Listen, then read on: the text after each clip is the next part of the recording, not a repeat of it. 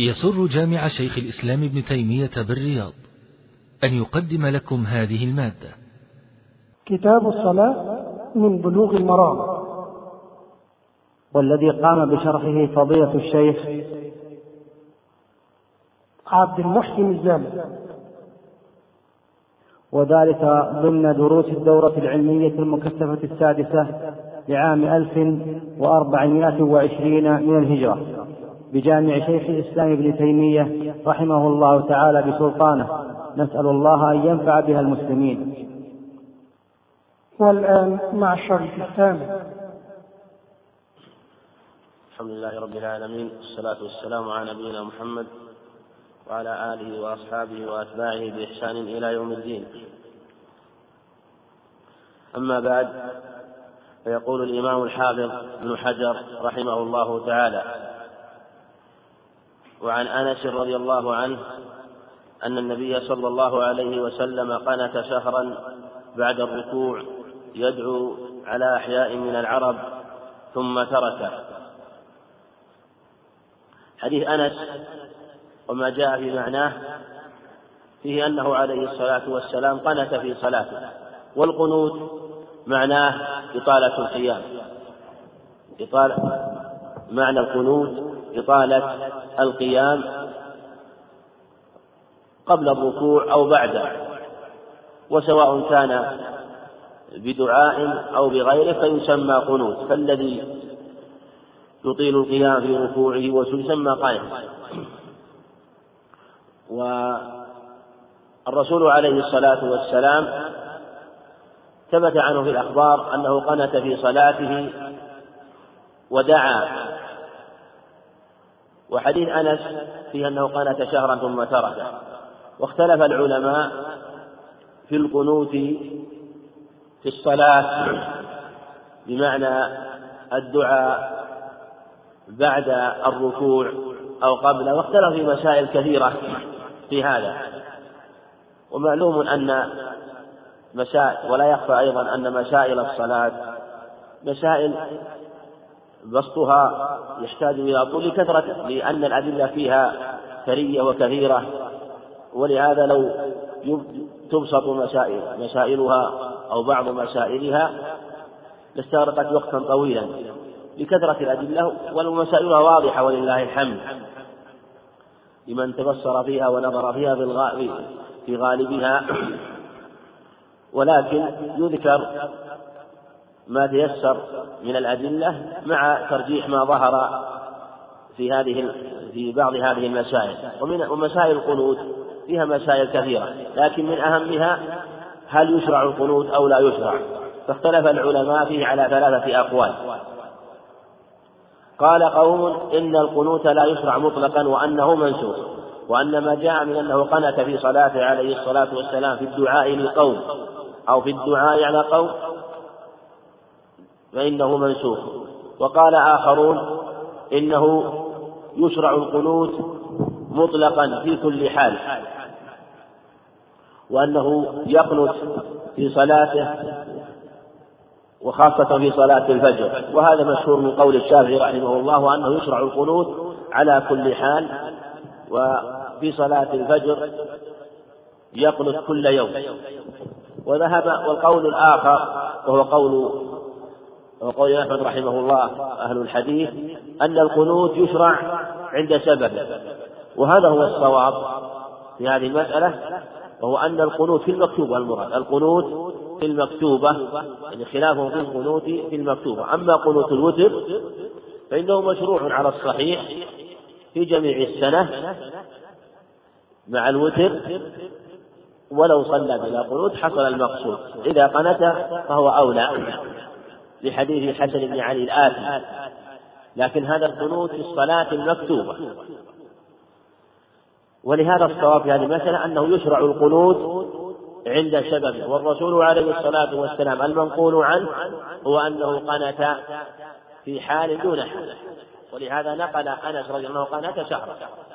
وثبت في صحيح البخاري وفي غيره أنه قنت في عدة صلوات قنت في صلاة العشاء والمغرب والفجر فكان قنوته في الصلاة الجهرية أكثر من قنوته في الصلاة السرية وقنوته في صلاة الفجر خاصة أكثر من قنوته في غيرها عليه الصلاة والسلام لقربها من آخر الليل فإنها صلاة تشرع إطالة يشرع إطالتها فلهذا كان يكثر القنوت فيها عليه الصلاة والسلام إذا إذا نجت في نازل وثبت في الحديث الصحيح عن ابن عباس عند أبي داود وغيره أنه قنت في الصلوات الخمس كلها ويؤمن من خلفه. قنت في الظهر والعصر والمغرب والعشاء والفجر في جميع الصلوات الخمس. ولهذا لا بأس من القنوت لسبب في جميع الصلوات. ويجهر في قنوته في في الصلوات كلها في السرية وفي الجهرية ويؤمن من خلفه كما في حديث ابن عباس. قال ولأحمد والدار نحوه من وجه آخر وزاد وأما الصبح وأما في الصبح فلم يزل يقنط حتى فارق الدنيا. حديث أحمد والدار قطني هذا حديث ضعيف لأنه من طريق أبي جعفر الرازي وهو ضعيف. فلا يثبت وقد استدل به من قال إنه يشرع القنوت في صلاة الفجر في جميع الأحوال. كل يوم. كما هو قول مشهور قول الشافعي رحمه الله. وهذا قول مرجوح لضعف لأن لا دليل عليه وهذا الحديث ضعيف. وقد قال جمع من العلم ابن القيم وجماعة لو ثبت فالمراد بالقنوت هو إطالة القيام. المراد بالقنوت ليس المراد بالقنوت الدعاء لكن لما اشتهر بأن القنوت عند الناس أن القنوت هو الدعاء ظن أن ظنوا أن القنوت هذا هو الدعاء بالقنوت إما قبل الركوع أو بعده. لكن المراد بالقنوت هنا هو إطالة القيام وهو أنه كان يطيل القيام في صلاة الفجر عليه الصلاة والسلام ويقنط فيها معنى أنه يطيل فيها القراءة ويطيل فيها الركوع والسجود. ولو قال قائل لماذا لو كان مراد لو قال قائل لو كان المراد إطالة القنوت ما خص صلاة الفجر. صلاة الفجر دون غيرها. دل على أنه أراد القنوت معنى الدعاء فيها. يقال خص صلاة الفجر لأنها يعني التخصيص بالذكر هنا لا يلزم منه أنه لا يخص غيرها بالقنوت لكن لأنها هي الأكثر التي يقنت فيها أنه يقنت فيها. ولأنها صلاة من غيرها من الصلاة يشرع القانون فخصها وإلا لا يفهم منه أنه لا يقنت في غيره. والمعنى أنه كان يطيل القنوت في الصلوات كلها وخصوصا صلاة الفجر لو صح الحديث يعني. بمعنى أنه يطيل القيام فيها أو أو أو يطيل القنوت في الصلوات التي يشرع إطالتها كصلاة الفجر وصلاة الظهر كما نقل أبو سعيد الخدري أنه يقنت فيها بمعنى أنه يطيل وأن الذاهب يذهب إلى البقيع فيرجع والصلاة والرسول عليه الصلاة والسلام في الركعة الأولى مما يطيلها لكن كل وهذا هذا الجواب يعني جيد لو ثبت لا هذا الجواب لا بأس به لكن يغني عنه أن الحديث ضعيف ولا يثبت لأنه جواب يمكن أن ينازع فيه لأن ظاهره يدل على تخصيص صلاة الفجر. وما دام أن الحديث لم يثبت ف وسنة دلت على أنه كان يقنط أحيانا ويترك القنوت أحيانا فعلى هذا يقال ما دلت عليه السنة وأن القنوت يشرع أحيانا لأسبابه. وعنه رضي الله عنه أن النبي صلى الله عليه وسلم كان لا يقنط إلا إذا دعا لقوم أو دعا على قوم صحه ابن خزيمة. وهذا عنه يعني عن أنس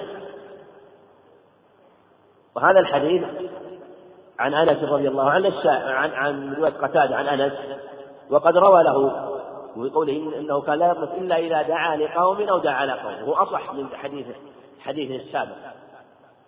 أصح من حديث السابق في أنه لم يزل بالصبح يقنط حتى فارق الدنيا. وفيه أنه لا يقنط هذا حصل لا يقنط إلا إذا دعا لقوم أو دعا لقوم. والقنوت هذا المراد به الدعاء بالصلاة ويؤمن من خلفه. وله شاهد عن أبي هريرة عند ابن خزيمة بإسناد أيضا صحيح وأصح من هذا أنه كان لا يقنط إلا إذا دعا لقوم أو دعا لقوم عليه الصلاة والسلام. فتواردت حديث أنس رضي الله عنه واجتمعت على أنه قنت أحيانا وترك القنوت أحيانا ثم جاء نقل نقلا مستقرا عاما من سنته أنه يقنت لقوم إذا دعا لقوم كما دعا للمستضعفين في مكة وإذا دعا على قوم كما دعا على رعل وذكوان وعصية وبعض القبائل. في ذلك الزمان والذين قتلوا القراء في عهده عليه الصلاة والسلام. ولهذا ثبت في الصحيح أنه كان يقنط عليه الصلاة والسلام في صلاة الفجر. يقنط يدعو للمستضعف مكة. فترك القنوت يوما فقيل له يا رسول الله. يعني لما لم تقنط قال أو ما تراهم قدموا قد كشف الله عنهم الضر ويسر الله خروجهم والحمد لله يعني أنه لما قدموا زال موجب القنوت فلا يحتاج إلى القنوت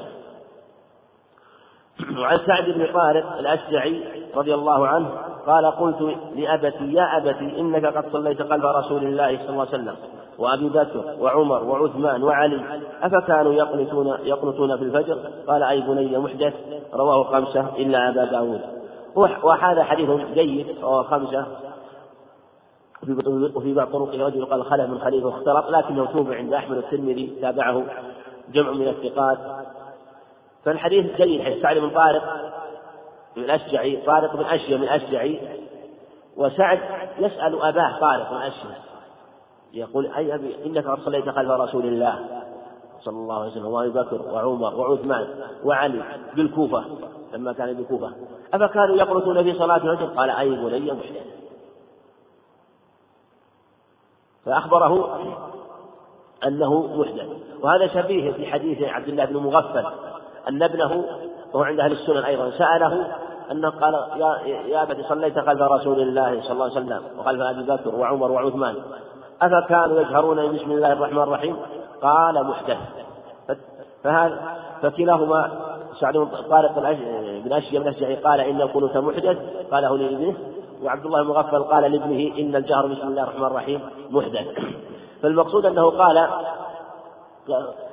أن القنوت على هذه الصفة محدث معنى بدعة.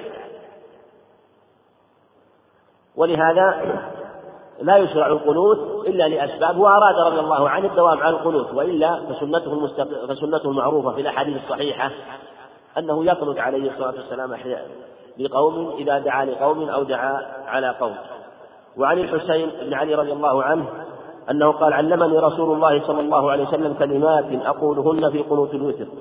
اللهم اهدني فيمن هديت وعافني فيمن عافيت وتولني فيمن توليت وبارك لي فيما أعطيت وقني شر ما قضيت فإنك تقضي ولا يقضى عليك وإنه لا يذل من واليت ولا تباركت ربنا وتعاليت. رواه الخمسة. وزاد الطبراني والبيهقي ولا يعز من عاديت. زاد النسائي بوجه آخر في آخره وصلى الله تعالى على النبي. حديث الحسن بن علي حديث جيد وسنده صحيح وفيه أنه علمه قنوت الوتر. هو دليل لما قاله أهل العلم من أنه يشرع لأنه يشرع القنوت في صلاة الوتر. في صلاة على خلاف بينهم على خلاف بينهم هل يشرع مثلا طوال السنة أو في رمضان أو في النصف الأخير من رمضان من رمضان من رمضان؟ وهذا الحديث حسن دليل على أنه يشرع علمه في قنوت الوتر دل على أنه لا بأس أن يقنط في وتر ولو كل ليلة لهذا الحديث. وهذه الحديث جاء بهذا اللفظ وجاء به زيادات عزاء إلى الطبراني والبيهقي ولا يعز من عاديت. وفي رواية عند عند النسائي وصلى الله على النبي. وهذه الرواية رواية عبد الله بن علي وهي إن كان عبد يقول حافظ حجر رحمه الله إن كان عبد الله هو عبد الله بن علي بن حسين بن أبي طالب فهو منقطع لأنه لم يدرك عمه وإن كان غيره فهو مجهول. لكن الصلاة عليه عليه الصلاة والسلام معروف الأخبار ويشرع للداعي أن يثني على الله وأن يصلي على النبي ويدعو كما سيأتي في حديث فضالة بن عبيد رضي الله عنه. وللبهيق عن ابن عباس قال كان رسول الله صلى الله عليه وسلم يعلمنا دعاء ندعو به في القنوت من صلاة الصبح وفي سنده ضعف. وهذا في سند ضعف كما قال حافظ رحمه الله بجهالة في سنده. وفيه وهذا مناسب أن يكون عند حديث أنس يعني أن لأن هذا في القنوت في صلاة الصبح وحديث الحسن في في صلاة الوتر وهذا في صلاة الوتر وكلا الحديثين حديث ابن عباس في القنوت في صلاة الفجر وحديث الذي سبق أنه لا ينزل يقنط حتى فارق الدنيا كلا الحديثين ضعيف وعن أبي هريرة رضي الله عنه قال قال رسول الله صلى الله عليه وسلم إذا سجد أحدكم فلا يبرك كما يبرك البعير وليضع يديه قبل ركبتيه أخرجه الثلاثة وهو أقوى من حديث وائل بن حجر. رأيت النبي صلى الله عليه وسلم إذا سجد وضع ركبتيه قبل يديه أخرجه الأربعة فإن للأول شاهدا من حديث ابن عمر رضي الله تعالى عنه وصححه ابن خزيمة وذكره البخاري معلقا موقوفا. حديث أبي هريرة اذا سجد أحدكم فلا يبرك كما يبرك بعير وليضع يديه قبل ركبتيه. وحديث وائل بن حجر أنه حجر رضي الله عنه رأى النبي عليه الصلاة والسلام إذا سجد وضع ركبتيه قبل يديه. اختلف العلماء فيهما والمحققون منهم على أنه لا بأس بكلا الأمرين. لكن من جهة الصناعة الحديثية ذكر الحافظ رحمه الله أنه أقوى وبين العلماء درجة الحديثين. وحديث حديث إذا سجد أحدكم فلا يبرك كما يبرك البعير. من طريق محمد عبد الله بن الحسن عن الأعرج عن أبي هريرة. هو حديث جيد وبعضهم طعن فيه كالبخاري وقال لا أدري هل سمع من عرج أم لم يسمع. وقول وحديث وائل بن حجر حديث جيد بمجموع طرق أيضا. وعند التحقيق والنظر حديث وائل بن حجر أقوى من حديث أبي هريرة في الحقيقة. وهذا يعني إذا نظر الناظر في حديث وائل بن حجر تبين له أنه أقوى. وحديث أبي هريرة هذا حديث أبي هريرة قوله له شاهد من حديث ابن عمر. شاهده عن ابن عمر أنه كان يرى قبل ركبتيه جاء مرفوعا وجاء موقوفا. والمرفوع عند التحقيق لا يصح ولا يصح. إنما ثبت عنه الموقوف عن ابن عمر أنه كان يضع يديه قبل ركبتيه. أما المرفوع فلا يصح ومن ينصر حديث أبي هريرة حديث أبي هريرة هو آه، في أنه يضع يديه قبل ركبتيه ينصر ينصره ويجعله أقوى ربما لم يتبين له حديث وائل بن حجر ولو تأمل طرق الواردة فيه لظهر أنه أقوى بالحقيقة وربما قال بعضهم إن له شواهد صحيحة. له شواهد صحيحة. وهو في الحقيقة جاء من طريق آخر وفيه فلا يبرك أحدكم كما يبرك البعير. وسكت عن قوله وليضع ما ذكره وجعله شاهدا وهذا ليس شاهد هذا مما يوهنه ولا يقويه. ثم أيضا الشاهد الثاني عن حديث ابن عمر. أن الشاهد الثاني من حديث ابن عمر هذا شاهد ضعيف ليس صحيح. حتى إن بعضهم صححه مع أنه من طريق عبد العزيز محمد دراوردي عن عبيد الله بن عمر وروايته عنه منكرة. وهذا لا يصح. ولهذا جاء عنه بطريق أقوى موقوف رضي الله عنه عن ابن عمر موقوفا. فلا يصح عنه مرفوعا. فبقي هذا الحديث الواحد حديث أبي هريرة وليس له أي شاهد. بل شاهده الثاني طريقه الثاني فيه أنه فلا يبرك أحدكم كما يبرك البعير ولم يذكر وليضع يديه قبل ركبتيه هذا مما يقوي ما ذهب ابن القيم رحمه الله وأن فيه انقلابا وأن فيه وهما. أما حديث وائل بن حجر فهو من طريق شريك من طريق شريك بن عبد الله النخعي وله شاهدان. شاهد من رواية محمد بن دحاد عن عبد الجبار بن وائل عن أبيه وهو منقطع وشاهد آخر مرسل عند أبي داود. وهذان الشاهدان لا شك أن عند أهل العلم بالحديث أنهما شاهدان جيدان يعني في الشهادة جيد أن شهادتهما جيدة وأنهما يقويانه وأنه لا يقل لا يقل عن الحسن فإن لم يكن أقوى من حديث أبي هريرة لم يكن أضعف. وإذا تؤملت شواهد حديث حديث هريرة فهي في الحقيقة ربما لا تقبل شهادتها بل ربما أعلت حديث أبي هريرة. هذا. أما تلك الأخرى فإنها جيدة.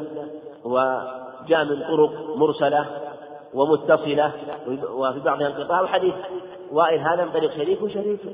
إذا توبع لا بأس به.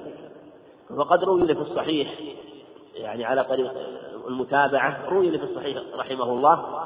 فلهذا هو أقوى من هذه الجهة. وأهل العلم يقولون إنه لا بأس أن يفعل هذا وهذا وهو الموافق لحال المصلي حينما على ركبتيه ثم ينزل على يديه ثم ينزل على جبهته ثم أنفه كما أنه إذا رفع يرفع يرفع يرفع رأسه أولا ثم يديه ثم ركبتيه فهو مناسب لحال الصلاة. ثم حديث وائل بن حجر الذي ذكر حديث وائل بن حجر له يشهد له أنه صح عن عمر رضي الله عنه أنه كان يضع يديه قبل ركبتيه كما رواه ابن أبي شيبة عنه بإسناد صحيح. ولا شك أن فعل عمر رضي الله عنه قوي. وشهادة وشهادة فعل عمر أقوى من فعل ابنه ابن عمر رضي الله عنه بلا شك. بل هو من الخلفاء الراشدين الذي تؤخذ سنتهم رضي الله عنه وصلى خلف النبي عليه الصلاة والسلام. فيقرب قوله رضي الله عنه وأنه تلقاه عن النبي عليه الصلاة والسلام. فلهذا ثبت عنه ذلك وأنه كان يضع ركبتيه قبل يديه. فهذا هو محصل هذه المسألة على خلاف في هذه المسألة بين فالمقصود أنه لا إنكار في هذا خلافا لمن قال إنه ينكر فيها سواء نزل على يديه أو على ركبتيه وقد حكى بعضهم الاتفاق على هذا. وعن ابن عمر رضي الله عنهما أن رسول الله صلى الله عليه وسلم كان إذا قعد للتشهد وضع يده اليسرى على ركبته اليسرى واليمنى على على اليمنى وعقد ثلاثا وخمسين وأشار بإصبعه السبابة رواه مسلم. وفي رواية له قبض وقبض أصابعه كلها وأشار بالإبهام وأشار بالتي تلي الإبهام. حديث ابن عمر هذا في وضع اليد في التشهد في وضع اليد في التشهد اليمنى على الفخذ اليمنى واليسرى على الفخذ اليسرى. ثم في صفة اليد كيف يرفعها وكيف هيئة اليد. فجاء حديث هذا أنه عقد ثلاثا وخمسين. عقد الثلاث وخمسين هذا على خلاف عند العرب طريقة للحساب خاصة. إذا قالوا واحد هذا واحد. اثنين ثلاثة. إذا قالوا أربعة رفع الخنصر. أربعة. خمسة يرفع التي تليها. وهكذا. وثلاث وخمسين يعقد السبابة الخنصر والبنصر والسبابة ويضع الإبهام في أصل ويضع طرف الإبهام في أصل الوسطى يضع الإبهام في أصل هذا هو عقد ثلاث وخمسين. فربما عقد هكذا عليه الصلاة والسلام وضع إبهامه في أصل الوسطى وأشار بالسبابة وأشار بالسبابة هذا أحد الصفات عنه عليه الصلاة والسلام. وجاء في حديث وائل بن حجر عند أبي داود وغيره أنه عقد عقد السبابة عقد القنصر. والبنصر وحلق حلقة حلق حلقة بالإبهام والوسطى هكذا. حلق حلقة. وجاء في حديث عبد الله بن الزبير في صحيح مسلم أنه عقد الخنصر والبنصر ووضع والإبهام على الوسطى. الإبهام على الوسطى هكذا. الإبهام على الوسطى. هذه صفة ثالثة. صفة ثالثة. وجاء في حديث عبد الله بن الزبير صفة رابعة في صحيح مسلم أنه وضع يده اليمنى على فخذه اليمنى ويده اليسرى على فخذه اليسرى. هذا محتمل أنه بسطها بسطا هكذا وأشار هكذا يعني. وأشار بسط أصابعه وأشار بالسبابة وأشار بالسبابة ومحتمل أنه محمول على الرواية الثانية فيكون مطلقا. وقيد بالروايات الأخرى.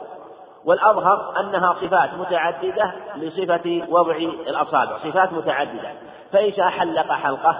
وإن شاء عقد ثلاثا وخمسين بمعنى وضع الإبهام على أصل في, في, في أصل الوسطى. وإن شاء وضع الإبهام على الوسطى وضعها عليها يعني قبضها بها هذه ثلاث صفات. والرواية الرابعة محتمل أنها كما قلنا أنها آه، صفة رابعة أو أنها مطلقة تقيد بالرواية الثانية. والعلامة ابن القيم رحمه الله جنح إلى أنها صفة واحدة. جنح إلى أنها صفة واحدة فمن قال عقد ثلاث أصابع أراد أن الإبهام معقودة لكن أنها ليست مبسوطة مع السبابة. يعني وسط وهي معقودة. ومن قال إنه قبض الخنصر والبنصر أراد أن الإبهام مع الوسطى ليست معقودة معا. ليست معقودة معا. وجعلها حاول أن يجعلها صفة واحدة رحمه الله. والأظهر والله أعلم أنها صفات بظاهر الأخبار لأنها واضحة في بعضها حلق وفي بعضها عقد ثلاثة وخمسين وبعضها وضع الإبهام على الوسطى. وهذا كطريقة رحمه الله في رفع اليدين عند التكبير وهو حاول أن يجعلها صفة واحدة وهو أنه من قال حذاء حذاء المنكبين يعني أنه وضع حذاء المنكبين أراد أطراف الأصابع هكذا. ومن أراد حذاء المنكبين أراد أسفل الكف أسفل الكف. وسبق أنهما صفتان أنهما موضعان في رفع اليدين. كذلك وضعهما وضعهما في حال التشهد له هذه الصفات الثلاثة. وأي صفة تنقل تكون صفة أخرى وهذا معروف في حال الصلاة أنه عليه الصلاة والسلام ربما آه، كان وضع يديه يختلف في من حال إلى حال كما نقله عنه الصحابة رضي الله عنهم. وعن عبد الله بن مسعود رضي الله عنه وفي أنه يشير بالإبهام يشير بالإبهام.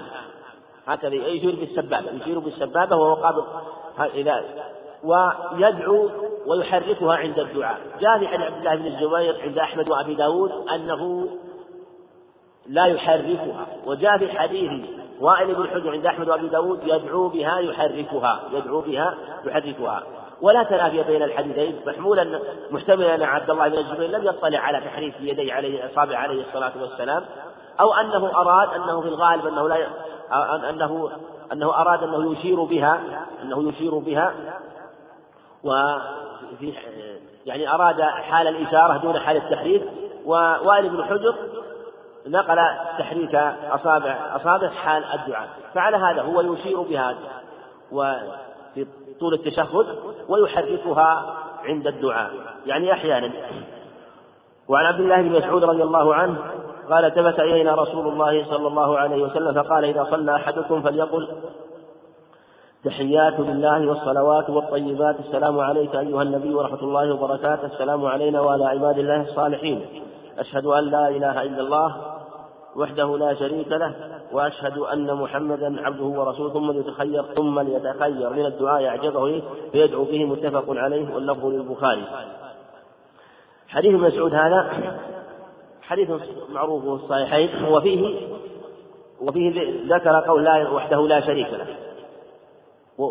والمعروف في حديث عبد الله بن مسعود ليس في وحده لا شريك له. ليس في حديث عبد الله بن مسعود وحده لا وحده لا شريك له. لا في الصحيحين ولا في غيرهما. وكان دخلت على المصنف إن كان ثبت من من خط رحمه دخلت عليه من حديث من حديث في حديث. وحده لا شريك له جاءت في حديث أبي موسى في صحيح مسلم وجاءت عن عائشة موقوفا عليها في الموضع وجاء عن ابن عمر أيضا في سنن أبي داود أنه كان يقول وحده لا شريك له زدتها من عندي. وهي ثابتة في حديث أبي موسى فإذا قال لا وحده لا شريك له فلا بأس بذلك.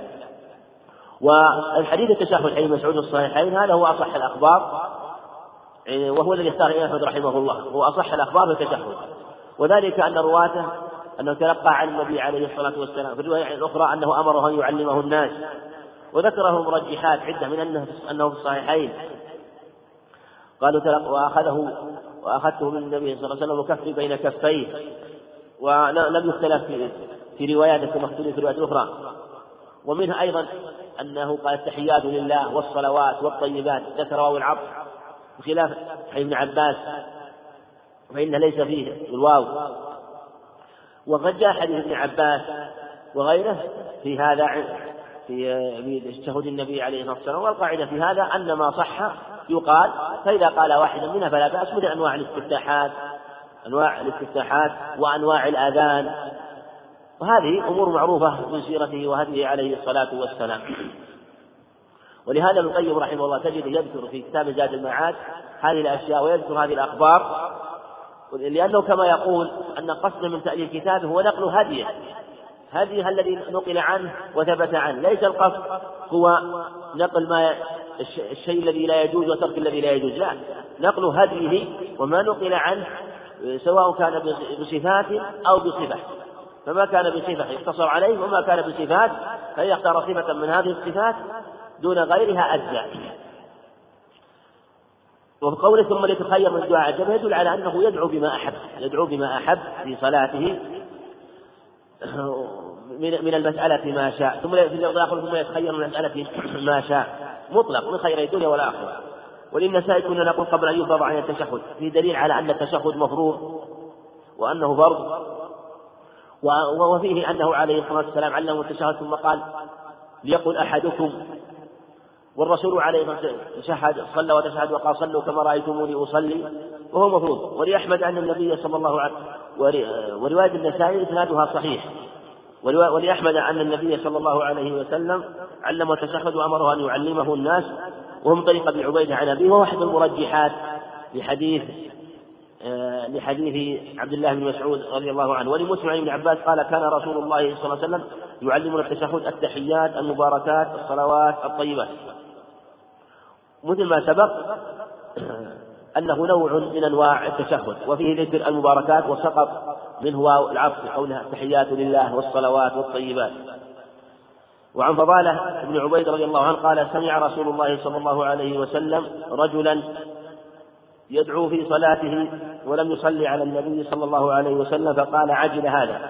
ثم دعاه فقال إذا صلى أحدكم فليبدأ بتحميد ربه والثناء عليه ثم يصلي على النبي صلى الله عليه وسلم ثم يدعو بما شاء رواه أحمد والثلاثة وصححه الترمذي وابن حبان والحاكم. هذا حديث حديث فضالة حديث جيد وله شاهد من حديث مسعود وهو أنه على حديث فضالة لما رأى ذلك الرجل صلى ولم يحمد الله ولم يصلي على النبي عليه الصلاة والسلام فقال عجل هذا. ثم قال له لغيره إذا صلى أحدكم فليبدأ بتحميد الله والثناء عليه ثم يصلي على النبي صلى الله عليه وسلم.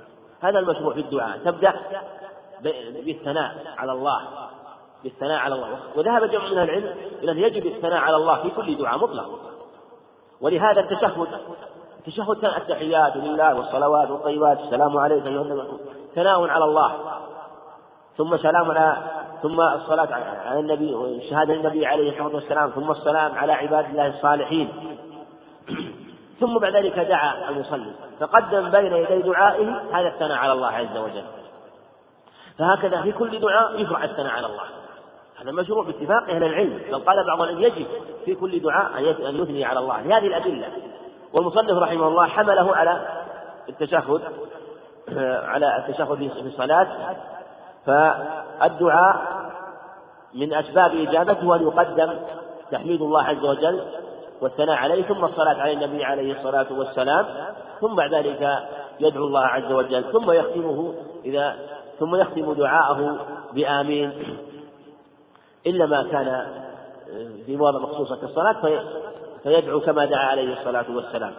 وعن ابن مسعود رضي الله عنه قال بشير بن سعد يا رسول الله أمرنا الله أن نصلي عليك فكيف نصلي عليك؟ فسكت ثم قال قول اللهم صل على محمد وعلى آل محمد كما صليت على إبراهيم وبارك على محمد. وعلى آل محمد كما باركت على آل على إبراهيم في العالمين إنك حميد مجيد. والسلام كما علمتم رواه مسلم. وزاد ابن خزيمة فيه فكيف نصلي عليك إذا نحن صلينا في صلاتنا فيه الأمر بالصلاة على النبي عليه الصلاة والسلام وهو واجبة عليه في التشهد. الأخير واجبة أما التشهد الأول فجاء ما يدل على عدم وجوبها. حديث ابن مسعود أنه لما علمه التشهد قال فإن شئت أن تقوم تقوم فقم. يعني بعد التشهد. وإلا الأولى هو الصلاة عليه عليه الصلاة والسلام في التشهدين كلهما لأن جاء في الأخبار الصحيحة أنهم علموا التشهد أنه أن أن تعليمهم للتشهد للصلاة عليه شامل يشمل كل تشهد لكن ليس بواجب إنما هو واجب في التشهد الأخير لذاك الدليل. وفيه إذا نحن صلينا عليك في صلاتنا في الرواية الثانية وهي رواية جيدة من طريق ابن إسحاق وصرح بالتحديث دلالة على أن الصلاة عليه آه، أن الصلاة عليه عليه الصلاة والسلام تكون واجبة في الصلاة آه، وفي غير الصلاة متأكدة جدا عليه الصلاة والسلام وقال بعض العلم بوجوبها عليه كلما ذكر. وعن أبي هريرة رضي الله عنه قال قال رسول الله صلى الله عليه وسلم إذا تشهد أحدكم فليستعذ بالله من أربع. يقول اللهم إني أعوذ بك من عذاب جهنم ومن عذاب القبر ومن فتنة المحيا والممات وفتنه المسيح الدجال. متفق عليه.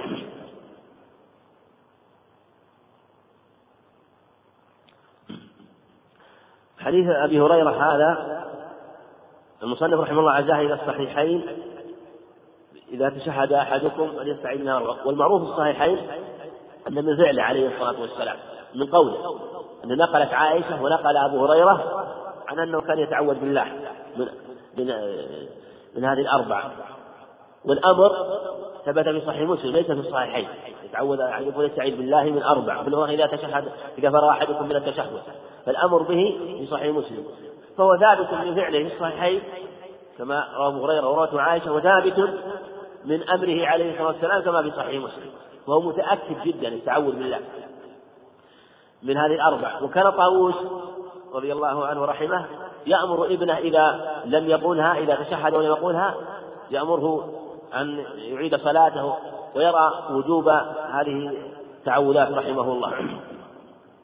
وعن أبي بكر بن الصديق رضي الله عنه. وعذاب جهنم وفي اثبات عذاب جهنم وعذاب القبر وهو انه حق وفتنة المحيا والممات. فتنة المحيا وما يرضي للمكلف في حياته. إلى موت. كله فتنة الشهوات وفتنه الشبهات وفتنة الممات محتمل أنها ما من عذاب عذاب القبر ومحتمل أنها ما يكون عند الموت. وهذا أقرب لأن ذكر فتنة القبر. أعوذ بالله من عذاب جهنم ومن عذاب القبر وفتنة المحيا والممات. فالأظهر أن فتنة الممات ما يسبق عند عند عند الاحتضار عند الموت عند الاحتضار عند الموت. فيسأل الله أن يثبت على الإسلام وعلى كلمة الحق عند عند موته. فهذه فتنة الممات. وفتنة المسيح الدجال لأن أعظم فتنة كما ثبت في صحيح مسلم أنه ما يعني ما خلق الله من شيء أو أو, ما أو ليس في الدنيا فتنة منذ أن خلق الله الدنيا إلى أن تقوم الساعة أعظم من فتنة الدجال كما ثبت عنه في الصحيح عليه الصلاة والسلام. ولهذا أمر بالاستعاذة منه عليه في, في, في الصلاة. وعن أبي بكر الصديق رضي الله عنه أنه قال لرسول الله صلى الله عليه وسلم علمني دعاء أدعو به في صلاتي. قال قل اللهم إني ظلمت نفسي ظلما كثيرا ولا أغفر الذنوب إلا أنت فاغفر لي مغفرة من عندك وارحمني إنك أنت إنك أنت الغفور الرحيم متفق عليه. حديث أبي بكر الصديق دعاء عظيم قال علمني دعاء أدعو به في صلاتي في اللفظ الآخر في الصحيح وفي بيتي قال قل اللهم إني ظلمت نفسي ظلما كثيرا وإنه لا يغفر الذنوب إلا فاغفر لي مغفرة منك وارحمني إنك أنت الغفور الرحيم. أبو بكر الصديق أفضل أفضل البشر على الإطلاق بعد الأنبياء عليه رضي الله عنه يقول يقول للنبي أنا علمني دعاء ندعو به في صلاتي يبين أن الإنسان مهما بلغ هو عرضة للتقصير والنقص. علمني دعاء ندعو به في صلاتي وفي بيتي. قال قل اللهم اللهم إني ظلمت نفسي ظلما كثيرا في التوسل إلى الله بظلم النفس وأنه مقصر وأنه مهما بلغ هو مقصر. ثم قال ثم اعتراف بأنه لا يغفر الذنوب إلا أنت. ثم سأل الله. توسل. وهذا فيه ثناء على الله. بمعنى أنه ذكر ظلمه لنفسه وذكر حاله فهو تقديم بين يدي الدعاء. ولهذا يشرع لكل داعي يقدم بين يدي دعاء. إما بذكر حاله وعبادته إما بذكر حاله في تقصيره أو ما هو أعظم من ذلك وهو الثناء على الله وذكر صفاته سبحانه وتعالى. اللهم إني ظلمت نفسي ظلما كثيرا. لكن لما كان المقام مقام ذكر ظلم النفس أو أو كان المقام طلب المغفرة والرحمة ناسب أن يذكر ظلم نفسه. اللهم إني ظلمت نفسي ظلما كثيرا وإنه لا يغفر الذنوب. فاغفر لي سأل الله ودعاه. فاغفر لي مغفرة من عندك. مغفرة من عندك لا بسبب لا بسبب عمل بل منك لا بسبب عمل يقتضيها مني. ولهذا نكرها لأن حتى تكون مغفرة عنه فاغفر لي مغفرة من عندك وارحمني إنك أنت الغفور الرحيم. ثم ختم بالاسمين العظيمين الغفور مناسب سؤال المغفرة والرحيم مناسب لسؤال الرحمة. وهذا الدعاء يشرع أن يقوله المصلي في أحواله دائما.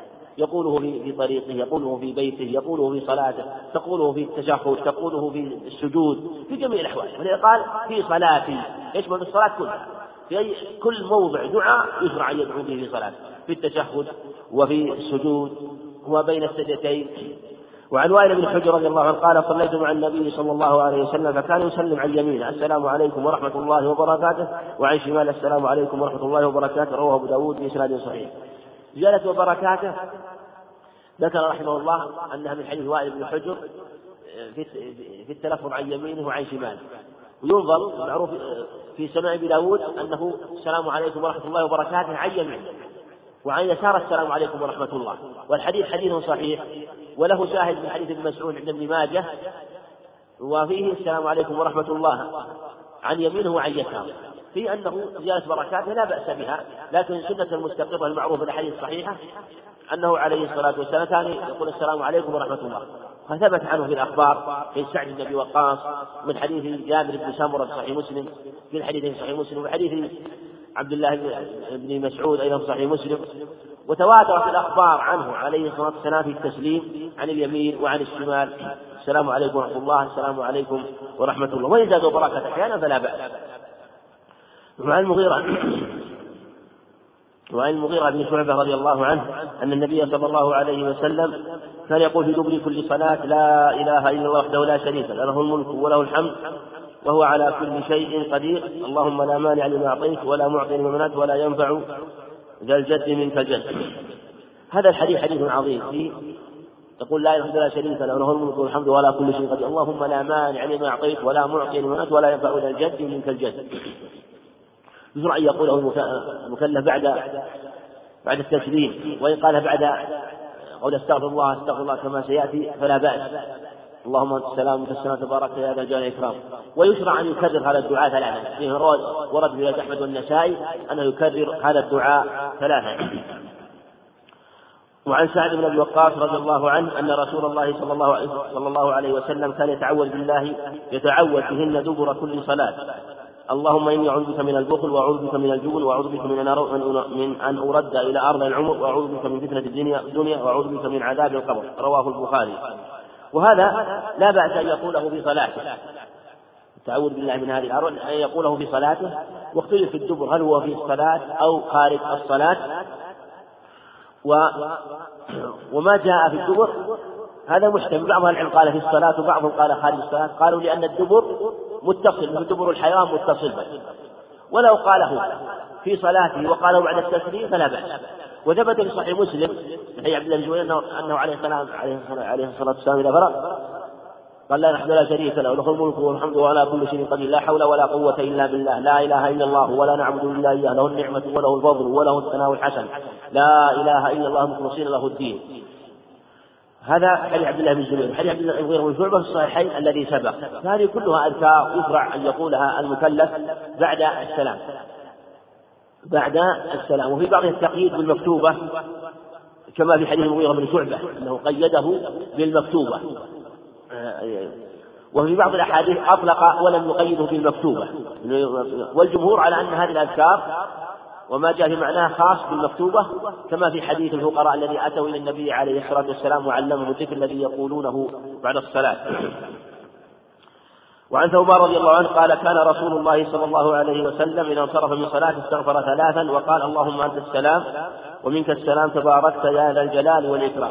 وهذا يقوله بعد التسليم من الصلاة. يقوله بعد التسليم من الصلاة. اللهم أنت السلام ومنك السلام تباركت يا ذا الجلال والإكرام.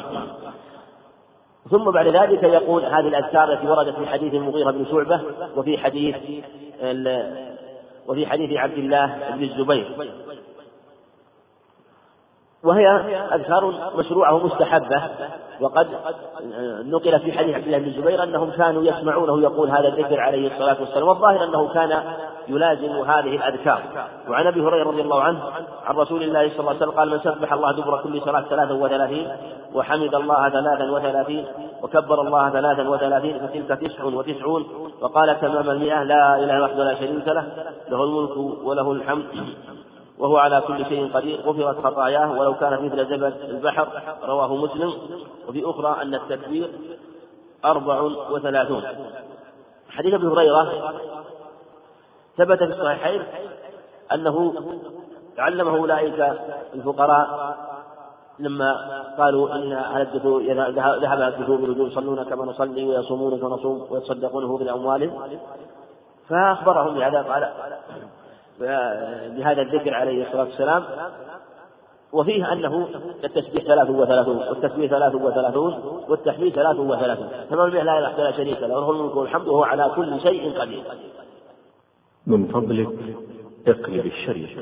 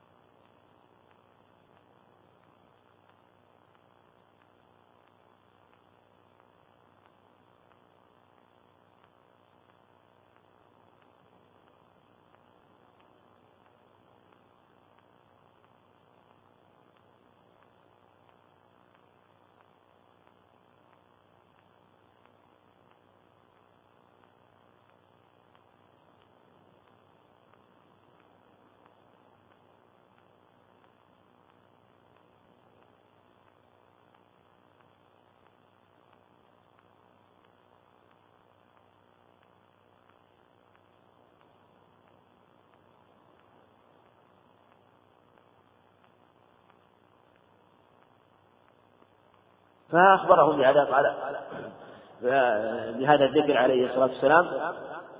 وفيه أنه التسبيح ثلاث وثلاثون والتكبير ثلاث وثلاثون والتحميد ثلاث وثلاثون. تمام لا إله إلا شريك له له الملك والحمد وهو على كل شيء قدير.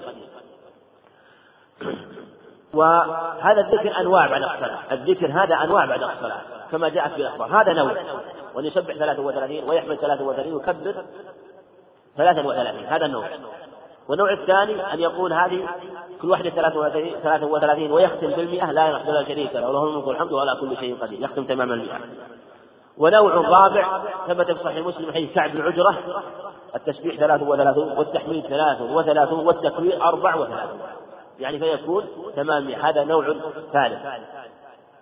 ونوع رابع جاء من حديث ابن عمر ومن حديث زيد بن ثابت عند عند النسائي.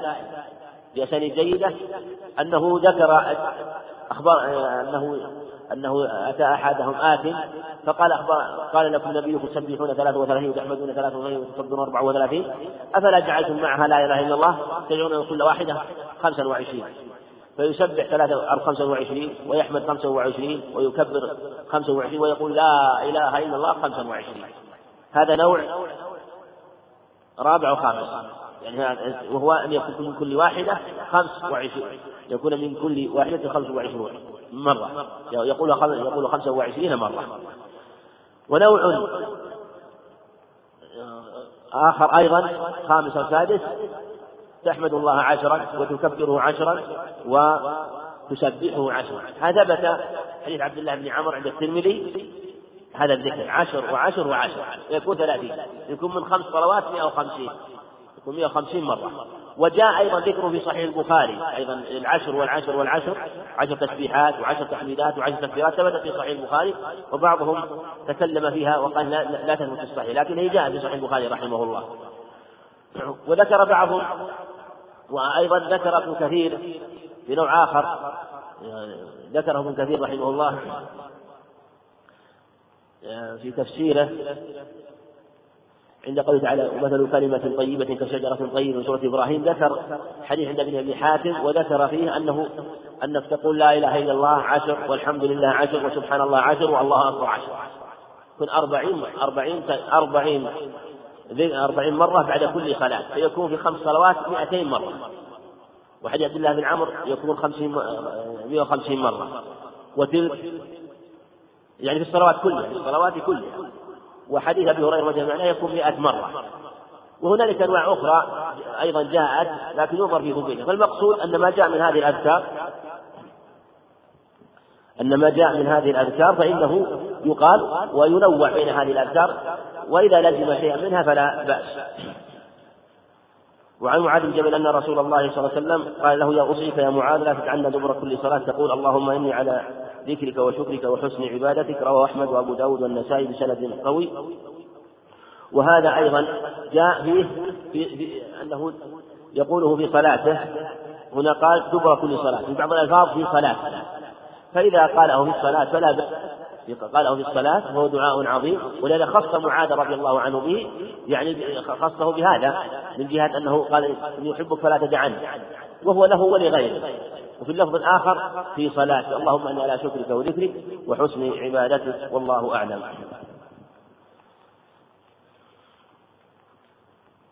السلام السلام عليكم ورحمة الله وبركاته. وعليكم السلام ورحمة الله وبركاته. في حديث فضالة بن عبيد سقط لم يحمد ولم يحمد الله. نعم إذا كان سقط يعني يلحق بالحديث إذا كان سقط هذا اللفظ وقوله ولم يحمد الله. هل يحق لكل إمام مثل أن يقنط قنوت النوازل إذا نزلت المسلم نازلة؟ أم أن ذلك مشروط بإذن الإمام؟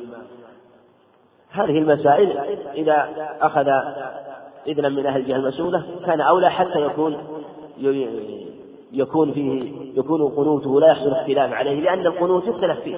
لأن هل هذه نازلة أو ليست نازلة؟ هذه مما أمر يحتاج إلى معرفة. يحتاج إلى معرفة في هذه النوازل وربما أنه لم تكن الأمور التي يشرع فيها فينبغي أن ينظر في الأمر فلا يقنط إلا بعد ما يعرف هل هو هل هي نازلة أو ليست نازلة مما يشرع فيها القنوت السلام عليكم ورحمة الله وبركاته. و قال هنا ومغفرته. زيارة ومغفرة وعليكم السلام ورحمة الله وبركاته. زيارة ومغفرته ما تثبت جاءت عند أبي داود وغيره لكن ما تثبت. وكما قال ابن عباس وجمع انتهى السلام إلى البركة. هل يصح القنوت في كل الصلوات في النوازل حتى ينكشف الكرب؟ نعم القنوت. مشروع في, في جميع النوازل حتى يزول الأمر الذي قنت فيه. ولهذا قال النبي عليه الصلاة والسلام لما تركوا القنوت أو ما تراهم قد قدموا؟ وفي حديث ابن عباس أنه قنت في الصلوات كلها عليه الصلاة والسلام. السلام عليكم ورحمة الله وبركاته. وعليكم السلام ورحمة الله وبركاته. هل يجوز للمسلم أن لا يقنط إلا في رمضان أو في السنة مرة واحدة؟ القنوت ليس بلازم. المشروع متأكد الوتر وإذا قنت في الصلاة فهو أولى وإن لم يقنط فلا شيء. إنما يتأكد القنوت في الصلوات في النوازل السلام عليكم ورحمة الله وبركاته. وعليكم السلام ورحمة الله وبركاته. قال أنس رضي الله عنه إن النبي صلى الله عليه وسلم قنت شهرا. هل يعني ذلك أنه لا يشرع الإنسان أن يقنط بعد الشهر وإن كانت الناس مستمرة على المسلمين؟ لا لا إنما ذكر أنه قنت شهرا لأنه هو الوقت يعني قنت هذه المدة ثم بعد ذلك ترك القنوت لأنه حصل المقصود وبقنوته عليه الصلاة والسلام. فالمقصود أن القنوت يمتد إلى ممتد مع النازلة حتى تنتهي متى ترفع السبابة عند التشهد؟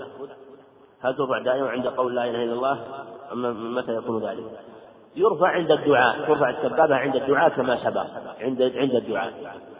وكذلك عند ذكر قولك اللهم صل على محمد وعلى محمد كذلك. وإما ومما ينبه له أيضا في التشهد أيضا أن قول اللهم صل على محمد وعلى آل محمد. قول حديث حديث بشير بن سعد. فكيف نصلي عليه قال قل اللهم صل على محمد. الحديث هذا جاء ذكر الجمع بين الآل. محمد وآله وإبراهيم وآله ثبت صحيح. وإن كان بعضهم خفي عليه. خفي هذا على من شيخ الإسلام تيمية وعلى ابن القيم رحمه الله. وكما خفي عليه الجمع بين بين سبحان بين الله اللهم والواو. يقول اللهم ربنا وفعل ويقول لم لم يثبت الجمع بين اللهم والواو. بين اللهم وربنا. لم يثبت في خبر. والصواب أنه ثبت في الصحيح. اللهم والواو الجمع بينهم. وثبت في الصحيح أيضا الجمع بين محمد وآله وإبراهيم. اللهم صل على محمد وعلى آل محمد كما صليت على إبراهيم وعلى آل إبراهيم إنك حميد مجيد. وهذا ذكره البخاري رحمه الله في أحاديث الأنبياء من حديث كعب بن عجرة رضي الله عنه. السلام عليكم ورحمة الله وبركاته. وعليكم السلام ورحمة الله وبركاته. هل وردت أحاديث بزيادة بركات التسليم من الصلاة؟ هل سبقت معناه من حديث وائل بن حجر ومن حديث مسعود؟ ما صحة أن التورك لا يجوز صلاة ثنائية كالفجر وهل ورد في حديث ذلك؟ سبق معنا أن صلاة الفجر الأولى أن لا يتورك أن أن يفترش فيها على قدم على رجله اليسرى وذكرنا أن خلاف أن مالك يقول التورك مطلقا وأبو حنيفة يقول بالافتراش مطلقا والإمام أحمد رحمه الله يقول بالتورك في كل تشهد أخير كل تشهد يعقبه سلام. كل تشهد يعقبه سلام فإنه كل أن الإمام الشافعي رحمه الله يقول التورك في كل سلام يعقب كل تشهد يعقبه السلام والإمام أحمد رحمه الله يقول إنه في الرباعية والثلاثية. أما الثنائية فإنه لا يتورك فيها بل يجلس على قدمه اليسرى. السلام عليكم ورحمة الله وبركاته. وعليكم السلام ورحمة الله وبركاته. إمام شرع للصلاة فقرأ سورة الفاتحة. ثم قرأها مرة أخرى ثم قال الضال ولا الضالين أيقولون أمين مرة أخرى؟ ولا يشرع أن يقول. أو القراءة هذه غير مشروعة مرة ثانية إذا كان نسي لكن هل يكررون؟ الله أعلم. ما أدري هل يكررون. أو المقصود أنه عليه ينبه ينبه ينبه حتى يكبر. هذا هو المشروع. الأرجح في وضع اليد على التشهد. ذكرتم أنها ثلاثة. أقوال وضع اليد على التشهد ذكرنا أنها ثلاث صفات. ذكرنا أنها ثلاث صفات هذا هو أنها ثلاث صفات وأن يختار ما تيسر منها. السلام عليكم. وعليكم السلام ورحمة الله وبركاته. حديث أبي هريرة في السجود.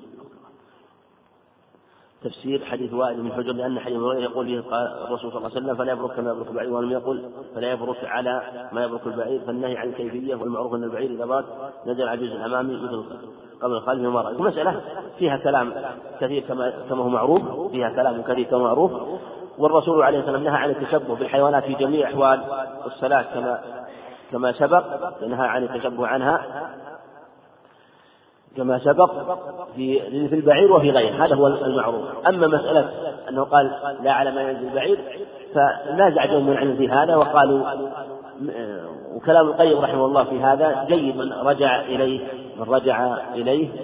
والعمدة على ما نقل العمدة على ما نقل عنه عليه الصلاة والسلام إذا اختلف في النقل في هذا على ما نقل ينظر أيهما الأرجح وسبق أن كلا الأمرين جائز وأن الأولى أن يقدم الركبتين ويقدم اليدين فلا بأس. والله أعلم. وصلى الله وسلم وبارك على نبينا محمد.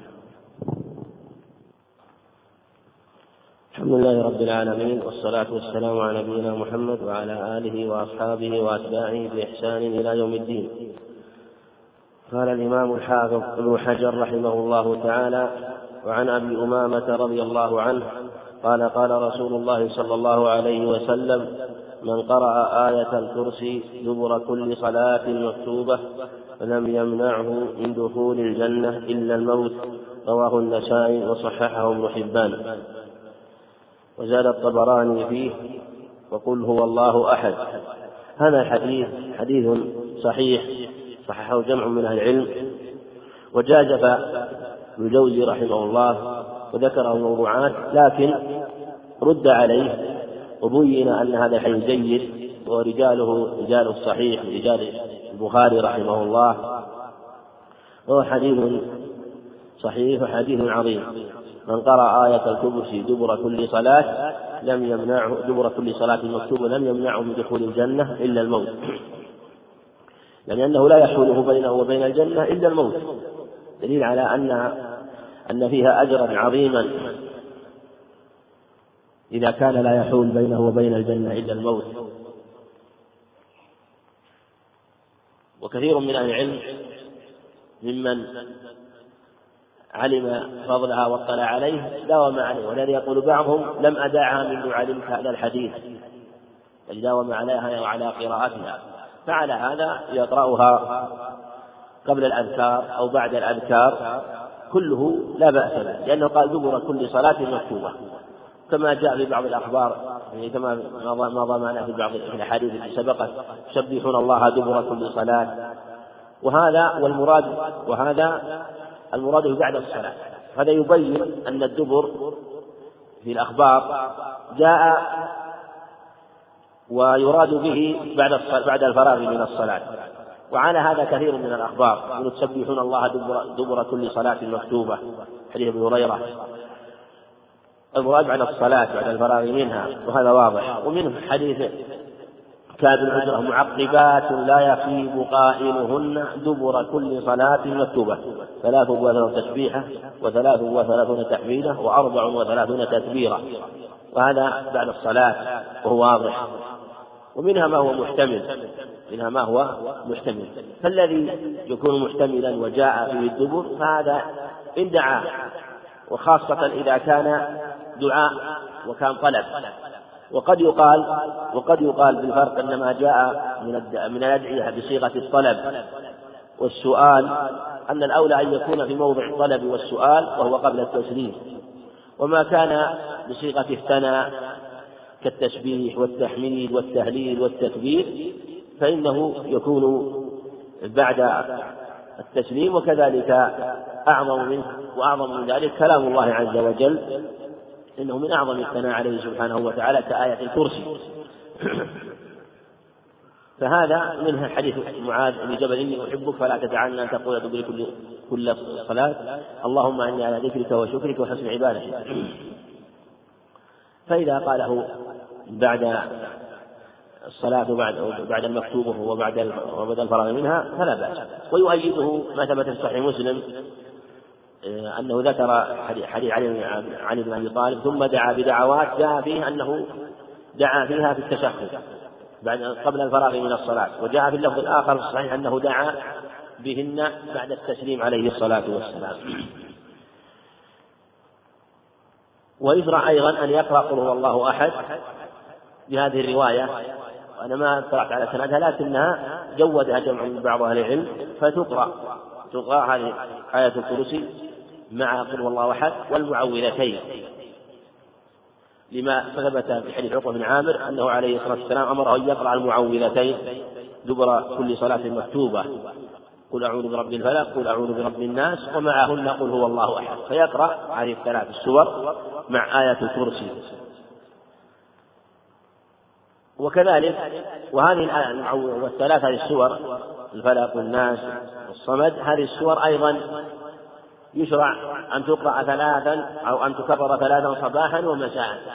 لما ثبت في حديث عبد الله بن خبيب الجهني أنه قال له عليه الصلاة والسلام قل أو هو الله اقرأ أو المعوذتين وقل هو الله أحد حين تصبح ثلاث مرات حين تصبح وحين تمسي تكفيك كل كل شيء. هو حديث رواه الثلاثة في أبو داود والترمذي والنسائي. حديث جيد. فهذه إذا قرأ قالها صباحا ومساء حصل المقصود. وإن قال بعد صلاة الفجر قال بعد صلاة الفجر فلا بأس. وإن قاله في أي في الصباح في أي وقت قبل يعني في أول النهار حصل حصل المقصود. أما أما قراءتها في الليل عند المساء ثبت في الصحيحين حديث عائشة أنه عليه الصلاة والسلام كان يقرأ هذه السور وينفذ على نفسه عليه الصلاة والسلام. ثبت قراءة مع النفس قراءة مع النفس. فقد يقال إنه يقرأها مساء ويقرأها عند النوم إذا أراد أن ينام جمعا بين الأخبار في لأنها في النوم على صفة خاصة وهو النفس وربما قيل يكتفى بقراءته مرة واحدة. المقصود أن هذه الأذكار أنها خير وفيها حفظ الإنسان وفيها وتلاوة لكلام الله وفيه مع الاحتساب وإصلاح أجر عظيم خاصة في هذه السور. هذه السور المعوذتان وقل هو الله أحد. وعن مالك بن حويرث رضي الله عنه قال قال رسول الله صلى الله عليه وسلم صلوا كما رأيتموني أصلي رواه البخاري. هذا حديث عظيم قاعد وهو قاعدة عامة في باب الصلاة. ولهذا المصنف رحمه الله ساقه بعدما ذكر الأخبار في الصلاة ساقه في نهاية الباب قبل أحاديث متعلقة بصلاة المريض. كأنه يقول إن هذه الأخبار التي جاءت عن النبي عليه الصلاة والسلام من قوله ومن فعله من قوله ومن فعله جاء الأمر بها إجمالا أو جاءت الدلالة عليها. خصوصا وجاءت الدلالة عليها عن يقول صلوا كما رأيتموني أصلي. فصلى عليه الصلاة والسلام ودل على أحكام الصلاة بقوله وفعله. ثم بعد ذلك بلغ في البيان أو بالغ في البيان عليه الصلاة والسلام بأن قال صلوا كما رأيتم بالفعل والقول. ثم بالبيان العام. وهذا أصل في أن الصلاة يجب يجب أن أن يصلى كما صلى عليه الصلاة والسلام إلا ما دل الدليل على أنه على أنه ليس بواجب. فلهذا حديث مالك وغيره لما قال لما امرهم يذهبوا إلى أهليهم وأن يعلموهم وقال صلوا كما رأيتموني أصلي. لهم تلقوا الصلاة عنه عليه الصلاة والسلام وجلسوا معه ليالي عدة فأمرهم أن يعلموا أهلهم ما رأوه. وعن عمران بن حصين رضي الله عنه أن النبي صلى الله عليه وسلم قال صل قائما فإن لم تستطع فقاعدا فإن لم تستطع فعلى جنب وإلا فأومئ. رواه البخاري. الحديث رواه البخاري لكن قوله فأومئ هذا ليس في البخاري. وهذا إن كان وقع من الشارح رحمه من مصنف رحمه الله وهكذا وقع في قلمه فهو وهم منه وهم منه. فهذا ليست في هذا الحديث بل هي في حديث آخر في حديث علي عند الدار قطني وكذلك في حديث جابر الذي سيأتي. وهذا الحديث أنه عليه السلام قال لعمران وكانت فيه بواسير فقال صلي قائما يعني واجب الصلاة قائما فإن لم تستطع يعني مراد شق عليه كذلك مراد أن أن يشق عليه القيام. وليس المراد أنه يعني لا يستطيع مطلقا حتى ولو بمشقة. لا. لأنه إذا كان في مشقة وحرج فإنه لا يجوز. وما جاء في الدين من حرج. ف... ويدل عليه أنه ثبت صحيح عن أنس رضي الله عنه أنه عليه الصلاة والسلام سقط عن حمار فجحش شقه يعني خدش. ثم صلى به جالسا عليه الصلاة والسلام. والظاهر من حاله أنه لو تحامل عليه الصلاة والسلام آه، لأمكن ذلك لكن ربما شق عليه ذلك. شق عليه القيام فلهذا صلى بهم جالسا عليه الصلاة والسلام. فلهذا إذا كان في القيام مشقة على تفصيل ذكر علينا في هذا لكن هذا من حيث الإجمال أنه إذا شق عليه فيصلي قاعدا. فإن لم تستطع فقاعدا. يعني أنه يصلي قاعدا ويصلي قاعدا كما سبق كما في حديث عائشة أنه عليه صلى جالسا متربعا. هذا الأفضل أنه يكون في حال القيام متربع. وإن صلى وإن كان جلوسه هيئة الجلوس كهيئته بين السجدتين فلا بأس. لكن الأولى أن يكون قيام أن يكون في حال في حال القيام متربعا في حال ركن القيام الصلاة متربع ثم إذا أراد الركوع هل يثني رجليه ويكون كهيئة كالهيئة بين السجدتين؟ الأقرب والله أعلم أنه ينحني للركوع على حاله يعني يميل الجهة على حاله لا يغير هيئته. لأن صفة الركوع لا تتغير في حال القيام إنما يحني الإنسان يحني ظهره ويمد ظهره. إنما تتغير في حال السجود وحال الجلوس.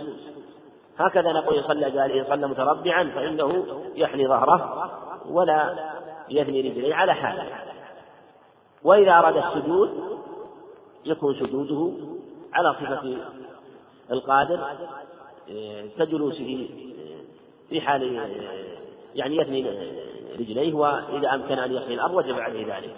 ما أمكن صلى حسب استطاعته ولله الحمد. وإذا استطاع أن يثني رجليه ويجلس كهيئة جالسة بين السجدتين ثم يحني ظهره كما سيأتي فهو أولى. إذا إذا إذا أمكنه ذلك. فإن لم تستطع فعلى جنب. يصلي على جنب. الأيمن أو الأيسر لإطلاق الحديث. لإطلاق الحديث. جاء في حديث علي رضي الله عنه عند الدار قطني على جنبه الأيمن مستقبل القبلة. لكن هذا ليس بواجب أن ذاك الحديث لا يثبت. وهذا الحديث قال على جنب. والظاهر والله أعلم لأن حال المريض يطلق له في هذا ويسر له لأنه حسب الأيسر فيقال إذا كان الأيسر على جنبه الأيمن فهو أولى وإن كان الأيسر على جنبه الأيسر فهو أولى لأنه إذا كان أيسر له على هذا الجنب فإنه يكون أبلغ في حضوره في صلاة. وإن استوى الأمران فعلى الجنب الأيمن ربما قيل إنه أولى بفضيلة جهة اليمين ولأنه عليه الصلاة والسلام يعجبه التيمم في شأنه كله ومن أعظم شأنه عبادته عليه الصلاة والسلام. ولذلك كان يعني في الصلاة يبتدئ باليمين ويلتفت إلى جهة يمينه ويسلم على جهة يمينه أولا. ولذلك قال كنا وكذلك المقصود أن جهة اليمين لها فضل لكن ليس بلازم. وجاء في حديث في لفظ آخر فإنه تصبح مستلقيا. مستلقيا هذه عزة بالنسائي وأنا على سندها وبعضهم جود إسنادها. وهذه الحال لا شك أنها إذا لم يستطع على جنب صلى الحالة يستطيع فإن استطاع أن يصلي إذا إذا تمكن أن يصلي على ظهره كان هو هو الأولى. فقبل ذلك يصلي على جنب الأيمن أو الأيسر فإن لم يستطع فعلى ظهره. يكون رجله إلى القبلة حتى يكون وجهه إلى جهة القبلة. وعن جابر رضي الله عنه أن النبي صلى الله عليه وسلم قال لمريض صل على قال لمريض صلى على وسادة فرمى بها وقال صل على الأرض إن استطعت وإلا فأومئ إيماء واجعل سجودك أخفض من ركوعك رواه البيهقي بسند قوي ولكن صح أبو حاتم حديث رواه البيهقي وياك وصلى رحمه رحمه الله ورواه غيره أيضا. والحديث الأقرب إذا كان سنده قويا فيكون وصله أظهر. ورفعه أظهر خاصة أن رفع جمع من الثقات جمع من الثقات فيكون رفعه أولى وأظهر إلى النبي عليه الصلاة والسلام. ولكن أبو حاتم رحمه الله على طريقة كثير من المحدثين من قدام المحدثين أنهم يعلون الحديث إذا روي موقوفا وروي مرفوعا ربما أعلوه وجعلوا روايته موقوفا تعلل روايته مرفوعا فعلى هذا يكون رفعه أظهر وأولى ويكون من قول النبي عليه السلام لهذا المريض لا من قول جابر الله. فهذا صلى على وسادة فرمى بها النبي عليه الصلاة والسلام. هذا هو المشروع. لما قال صلي والواجب أن يصلي على هذا الواجب. فإن لم يستطع أو ما إيمان المريض له أحوال. تارة يصلي يستطيع أن يصلي قائما ويباشر أرض سجوده. فهذا هو الواجب عليه. وإذا لم يستطع القيام فإنه يصلي عن جلوس. وإذا كان جالس فنقول أومئ بالركوع. والسجود الواجب أن تسجد في الأرض إذا استطعت.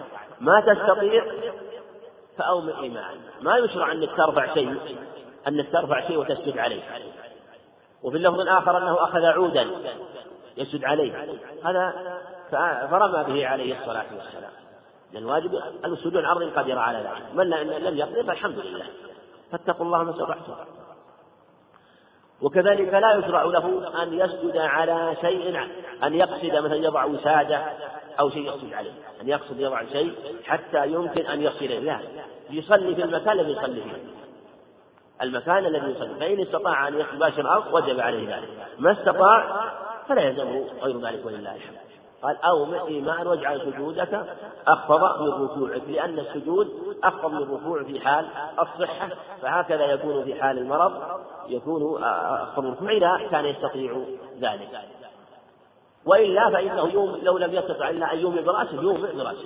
لو ما لم يستطع إلا أن يومئ برأسه أو ما برأسه. في أحوال للتكبير وللركوع في حال قيامه وفي حال في حال ركوعه وفي حال سجوده. لكن لو أنه خفض إن أمكنه يخفض رأسه في السجود أكثر كان هو المتعين وإن لم يستطع ذلك أو مع لكل ركن برأسه حتى ينهي صلاته. باب سجود السهو وغيره من سجود التلاوة والشكر. عن عبد الله بن بحين رضي الله عنه أن النبي صلى الله عليه وسلم صلى بهم الظهر فقام في الركعتين الأوليين ولم يجلس. فقام الناس معه حتى إذا قضى الصلاة وانتظر الناس تسليما كبر. وهو جالس وسجد سجدتين قبل أن يسلم ثم سلم أخرجه السبعة. وهذا اللفظ للبخاري. وفي رواية مسلم يكبر في كل سجدة وهو جالس ويسجد. ويسجد الناس مع مكان ما نسي من الجلوس. هذا موضع من المواضع التي سهى فيها عليه الصلاة والسلام. والسجود نقل عنه عليه الصلاة والسلام في عدة أخبار. رحمه الله. منها أنه سهى في هذا الموضع. سهى ترك التشهد الأوسط فسجد سجدتين قبل التسليم. وسلم من ركعتين في صلاة الظهر. فأتى بما ترك ثم تشهد ثم سجد ثم سلم ثم سجد سجدتين ثم سلم. وسهى في ثلاث في صلاة العصر. فسلم من ثلاث فصنع كما صنع في صلاة الظهر.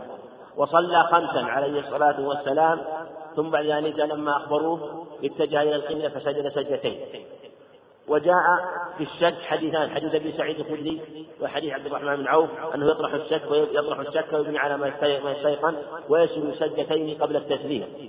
وجاء في غلبة الظن أنه يأخذ بما غلب على ظنه فيتم عليه الصلاة ثم بعد ذلك يسلم ثم يسجد للسهو.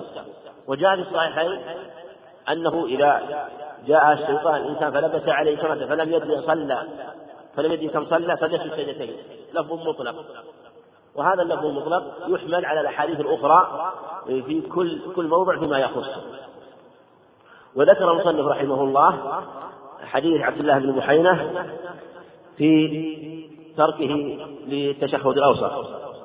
وفيه أنه صلى بهم الظهر فقام في الركعتين الأوليين ولم يجلس يعني لم يجلس للتشهد الأوسط. فقام الناس معه. وفيه أن هذا وفيه أن التشهد الأوسط ليس بركن بل هو واجب بل هو واجب ولهذا لم يأتي به عليه الصلاة والسلام. ولو كان ركنا لا أتى به لكن هو واجب يجبر بسجود السهو فقام وقام الناس معه فأكمل الصلاة ثم جبره في آخر الصلاة. حتى إذا قضى الصلاة وانتظر الناس تسليما. كبر وهو جالس يعني قبل التسليم عليه الصلاة والسلام. وفي هذا أنه يشرع التكبير لسجود السهو كما يشرع التكبير للسجود للصلاة. وأن هذا التكبير واجب وسجود السهو وأن يعني و وسجود السهو أيضا وسجود السهو. كذلك واجب لأنه أمر به في الأخبار عنه عليه الصلاة والسلام وسجد سجدتين قبل أن يسلم ثم سلم أخرجه السبعة. وفي وعلى هذا أخذ أهل العلم قاعدة من هذا. أنه أن من ترك واجبا من واجبات الصلاة القولية أو الفعلية فإنه يسجد سجدتين قبل التسليم. وبهذا تتم صلاته ولا يأتي بما فات وهذا الواجب هذا الواجب لا يتدارك إلا بالسجود إذا فات موضعه إذا فات موضعه. أما إذا أمكنك أن تتدارك هذا الواجب قبل أن يفوت الموضع وجب عليك أن تأتي به كما سيأتي في حديث المغيرة بن شعبة. فلو أنه مثلا أنك رفعت التشهد الأوسط وقبل أن تستتم قائما ذكرت التشهد فإنه يجب عليك أن ترجع للتشهد والجلوس له. وكذلك لو أنه لو في في, الركوع تسبيح الركوع يجب تسبيحة واحدة في الركوع والسجود فلو ركع المصلي ونسي التسبيح فرفع من الركوع. نقول إن ذكر التسبيح قبل أن يصل إلى القيام وجب عليه يرجع ويأتي بالتسبيح وإن كان وإن استتم قائما أو كان على هيئة قائم فإنه لا يرجع في هذه الحال لأنه فات موضعه ويجبره بسجود السهو كما جبر عليه الصلاة والسلام التشهد الأوسط بسجود السهو نعم. وفي رواية مسلم يكبر في كل سجدة وهو جالس ويسجد ويسجد الناس معه مكان ما نسي من الجلوس. وفي هذا كما سبق أنه يكبر في كل سجدة ويسجد السجدتين ثم يسلم. وعن أبي هريرة رضي الله عنه قال صلى النبي صلى الله عليه وسلم إحدى صلاتي العشي ركعتين. ثم سلم. ثم قام إلى خشبة في مقدم المسجد فوضع يده عليها في القوم أبو بكر وعمر. يرحمك الله. فهذا أن يكلما وخرج سرعان الناس. فقالوا قصرت الصلاة في القوم رجل يدعوه النبي صلى الله عليه وسلم ذا اليدين فقال يا رسول الله أنسيت أم قصرت الصلاة؟ قال لم أنس ولم تقصر. فقال بلى قد نسيت فصلى ركعتين ثم سلم ثم كبر ثم سجد مثل سجود وأطول ثم رفع رأسه فكبر ثم وضع رأسه فكبر فسجد مثل سجوده أو أطول. ثم رفع رأسه وكبر متفق عليه. واللفظ للبخاري وفي رواية مسلم صلاة العصر. ظاهر قول المصنف رحمه الله صلاة العصر ظاهر كلامه أنه مواقع واحدة. والأقرب من القصة أنه مواقعتان. إلا إلا إذا كانت هذه الرواية من طريق أبي هريرة. لكن في حديث عمران بن حصين يعني وقصدي بهذا اللي جاءت من طريق حديث عمران بن حصين. لأنه سهى حديث عمران بن حصين سلم من ثلاث. حديث هريرة سلم من ركعتين عليه الصلاة والسلام. سلم ركعتين فهذه فيها سلم من ثلاث وهذه فيها سلم من اثنتين. فهذا لا يمكن الجمع بينهما إلا على قول بأنه وقع وهم وهذا يعني فيه نظر. ولهذا جناح جمع من العلم إلا إلى أن إلى أن الذي في حديث عمران قصة حادثة والذي في حديث أبي هريرة قصة أخرى. إحدى صلاتي العشي هذا هي يعني الظهر أو العصر. ركعتين ثم سلم يعني أنه سلم في التشهد الأوسط يظن عليه الصلاة والسلام أنه في التشهد الأخير وأنه أكمل الصلاة. ثم قام إلى خشبة في مقدم المسجد فوضع يده عليها. وفي القوم أبو بكر وعمر فهذا أن يكلماه وخرج سرعان الناس. لأن الناس بعضهم أو كثير منهم خرجوا من أصحاب الحاجات والأشغال وظنوا أن الصلاة قد انتهت بمعنى أنها قصرت. وهذا يدل على أن جميع أن من في المسجد أو أن غالب من في المسجد كلهم أو كثير منهم قد ظهر لهم أو أدركوا أو يعني علموا أنه لم يصلي إلا ركعتين. لم يصلي إلا ركعتين. ولهذا خرجوا حتى بعضهم يقول قال قصرت الصلاة قصرت الصلاة. وفي القوم رجل يدعوه النبي صلى الله عليه وسلم ذا اليدين هو الخرباق بن عمرو. وفي هذا جواز التكنية تكنية الرجل يعني يقال لا بأس باللقب. إذا كان لا يكرهه لا بأس بذلك. والألقاب اللقب هو ما أشعر يقول بمدح أو ذم. فاللقب إذا كان آه، يعني يعني في الغالب ما يشعر مدح وذم إذا كان اللقب لا يشعر بمدح ولا ذم وصاحبه لا يكره فلا بأس من تلقيبه به. وإن كان يعني إذا كان شيئا خلقيا في طول اليدين أو غير ذلك. وإذا مثل ما قال النبي صلى الله عليه وسلم في هذا الأذنين.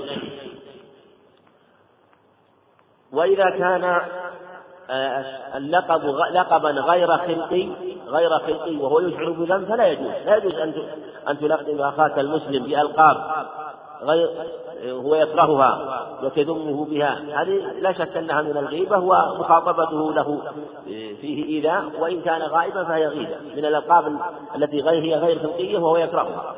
وإن كان لقبا يشعر بالذم وهو لقب خلقي فهذا فيه تفصيل. فإن كان مشتهرا به ولا يعرف إلا به واحتيج إلى ذكره جاز.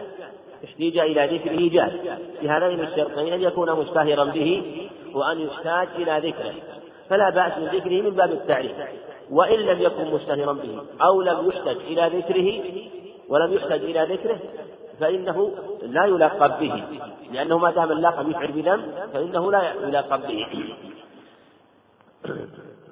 ولهذا ولهذا كان اشتهر في أسماء الرواة الأعمش والأعرج وذكر الأصم والأفطس ليناسب الرواة ولما أنهم كانوا اشتهروا بهذه الأشياء لم يتحاشى أهل العلم من من ذكرهم بها لأن يميز الراوي ويعرف.